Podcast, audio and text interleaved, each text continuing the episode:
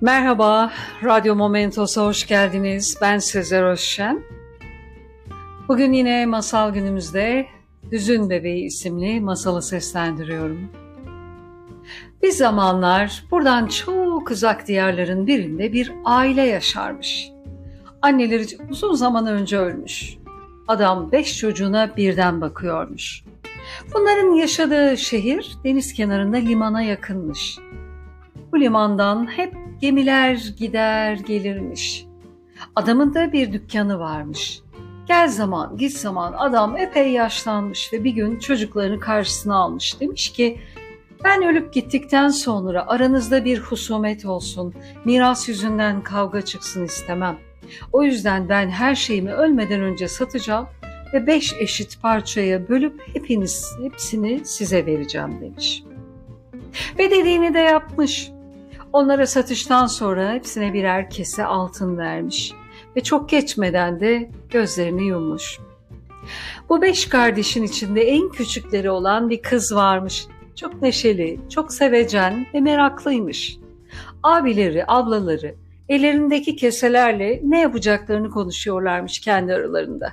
Küçük kız demiş ki, biz hep burada yaşadık, burada doğduk, büyüdük, burayı biliyoruz. Gidip dünyayı görsek olmaz mı? Binsek bir gemiye, bir baksak nereye gidiyor? Bu fikir onların da hoşuna gitmiş ve ellerindeki altınlarla limana gitmişler. İlk kalkan gemiye binmişler. Her şey çok güzelmiş onlar için.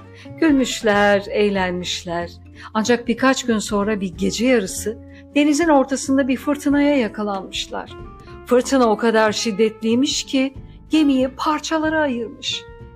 Küçük kız gözlerini açtığında denizin ortasında bir tahta parçasına tutunur bulmuş kendini.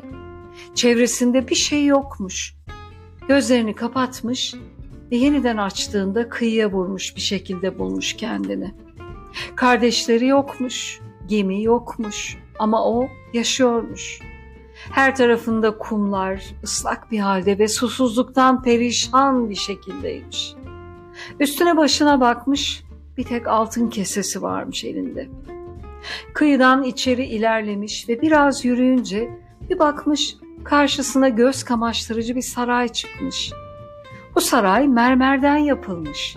Ancak bir tuhaflık varmış. Oraya yaklaştığında hiç ses yokmuş sarayda. Ne bir kahkaha, ne bir nefes, hiçbir şey. Avludan içeri girdiğinde gözlerine inanamamış. Çünkü saraydaki her şey donmuş.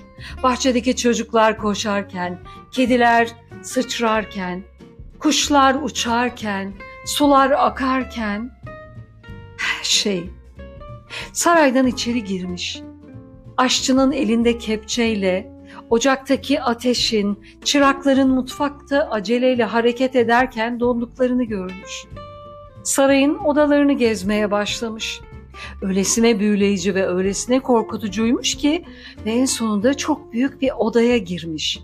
Odanın ortasında bir yatak varmış ve üstünde biri yatıyormuş. Bir prens.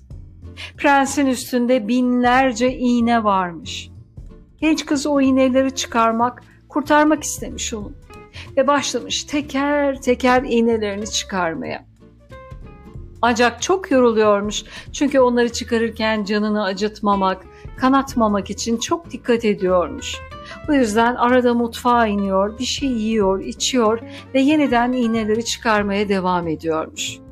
Birkaç gün geçip iğneler epey azalmaya başlayınca sarayın içinde bir ses duymuş ve çok şaşırmış önce. Dışarıdan başka bir kadının içeri girdiğini görmüş. Kadın çok şaşkınmış ve ne olduğunu sormuş genç kıza. Kız da geldiğinden beri gördüğü bildiği her şeyi anlatmış ve geldiği için çok sevindiğini söylemiş ona. Çünkü kız prense aşık olmuş ve onu kurtarmak istiyormuş ve demiş ki ben eğer yorulur ve aşağı inersem o da uyanırsa onun yanında olmanı isterim demiş. Öteki kadın da kabul etmiş. Genç kız bunun karşılığında sana tek varlığım olan bu altınları veriyorum demiş. İkisi prensin başında sohbet etmişler, gülmüşler, kaderlerini paylaşmışlar ve bu sırada kız iğneleri özenle çıkarmaya devam ediyormuş. En son iğne kaldığında ki o da prensin burnunun ucundaymış. Kız acele etmek istememiş. Aşağı inip biraz soluk almak istemiş ve öteki kadına emanet etmiş. Mutfağa indiğinde yüzüne su vurduğunda büyük bir gürültü başlamış. Herkes hareket etmeye, kediler miyavlamaya, tavuklar gıdaklamaya, usta çırağa bağırmaya, insanlar gülmeye başlamış ve herkes, her şey hareket halindeymiş. Kız ne olduğunu anlayamamış ama bir anda prensin uyanmış olabileceği aklına gelmiş ve hemen yukarı odaya çıktığında ise bir bakmış o kadın ve prens sarmaş dolaş, prensi ona kendisini çok kötü bir büyüden kurtardığı için teşekkür ederken ve onu hep seveceğini söylerken bulmuş. Genç kız ne diyeceğini bilemeden öylece baka kalmış. Prens onu fark edince dönmüş, bu kim diye sormuş kadına. Kadın da o benim hizmetçim mutfakta çalışır demiş. Kız hiçbir şey söyleyemeden mutfağa dönmüş. Oradan gidemezmiş çünkü hem gücü hem de parası yokmuş. Bu yüzden mutfakta çalışmaya başlamış. Prens ve kadın evlenmişler. Çok gösterişli bir düğün yapmışlar. Prensin her zamanki adetiymiş. Kendi şehrinden başka yerlere gitmeyi severmiş. Gemiyle bir sürü yolculuk yaparmış. Ve gittiği her yerden sarayındaki insanlara armağanlar getirirmiş. Bir gün yine gitmek istediğini söylemiş ve herkesi toplamış, sormuş. Ne istersiniz demiş. Herkes istediğini söylemiş. Prensin karısı tabii ki mücevherler, kumaşlar istemiş. Genç kıza sıra geldiğinde kız prensin gözlerinin içine bakmış ve hüzün bebeği istiyorum demiş. Prens hüzün bebeği diye bir şey duymadığı için şaşırmış ama nedir diye sormamış. Gemiyle açılmış, gezmiş, dolaşmış, insanlara hediyelerini almış, mutlu bir şekilde dönmek üzere tam hareket edecekken gemi birdenbire gökyüzü kararmaya, fırtına çıkmaya başlamış. Kaptan herkesi güverteye toplamış ve bu gemide bir söz verip tutmayan biri var. Sözünü tutmadığı için gemimiz ilerleyemiyor. Prensin o anda aklına gelmiş. Evet, benim hüzün bebeği almam gerekiyordu ama onun ne olduğunu ve nerede bulacağımı bilmiyorum demiş. Kaptan gülümseyerek, prensim sizin hüzün bebeğine ne ihtiyacınız olur? Ama çarşı içinde ufak yer altında bir dükkanda yaşlı bir adam satıyor. Ondan alabilirsiniz demiş. Prens gitmiş, dükkanı bulmuş, merdivenlerden inmiş ve yaşlı adamı bulup ona isteğini söylemiş. Yaşlı adam prense bakmış. Haliniz vaktiniz yerinde, sizin ne ihtiyacınız olur? Ama yine de epey yüksek fiyat söyleyerek bebeği ona satmış. Prens çok şaşırmış. Bu kadar küçücük ve tahta bebeğin para etmesine ve kendi dışında herkesin hüzün bebeğini bilmesine. Ülkesine geri döndüğünde saraya vardığında herkes onu coşkuyla karşılamış. Herkese hediyelerini dağıtmış. En sonunda kıza da hüzün bebeğini vermiş ama çok merak ediyormuş. Kız bebeği alıp doğruca odasına koşarken o da kızın peşinden koşmuş ve kapı aralığından onu dinlemeye başlamış. Kız hüzün bebeğini karşısına koymuş ve başlamış anlatmaya. Biz beş kardeştik. Benim babam daha ölmeden mirasını bölüştürdü. Annem daha ben çok küçükken öldü. Kardeşlerimle seyahate çıktık, gemiye bindik. Gemimiz parçalandı. Kız bunları anlatırken hüzün bebeği gittikçe büyümüş, gittikçe büyümüş. Prens gördüklerine inanamamış. Kız anlatmaya devam etmiş. Kardeşlerim öldüğünde ben canımı kurtarıp bir kıyıda kendimi bulduğumda işte bu sarayı da buldum. Her şey donmuştu. Herkes donmuştu ve prensi gördüm. Ona aşık oldum. Hüzün bebeği gittikçe büyüyormuş. Prens hem duyduklarına hem gördüklerine inanamıyormuş. Kız anlatmaya devam etmiş ve ben onun üstündeki iğneleri tek tek çıkardım. Sonra o kadın geldi ve en sonunda prens uyandığında karşısında onu gördü. Ve artık kız hem hikayesinden, hüzün bebeğinin büyümesinden ve hem de acısından ağlıyormuş.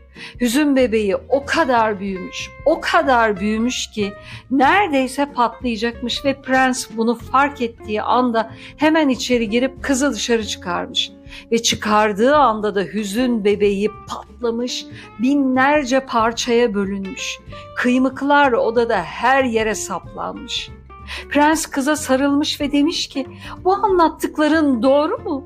Bu söylediklerin doğru mu? Kız, evet doğru demiş. Prens o zaman, benim seninle evlenmem gerekir. O zaman beni kurtaran sensin. Evet demiş kız. Seni kurtaran benim. Sana aşık olan da benim ama sen bir başkasını seçtin.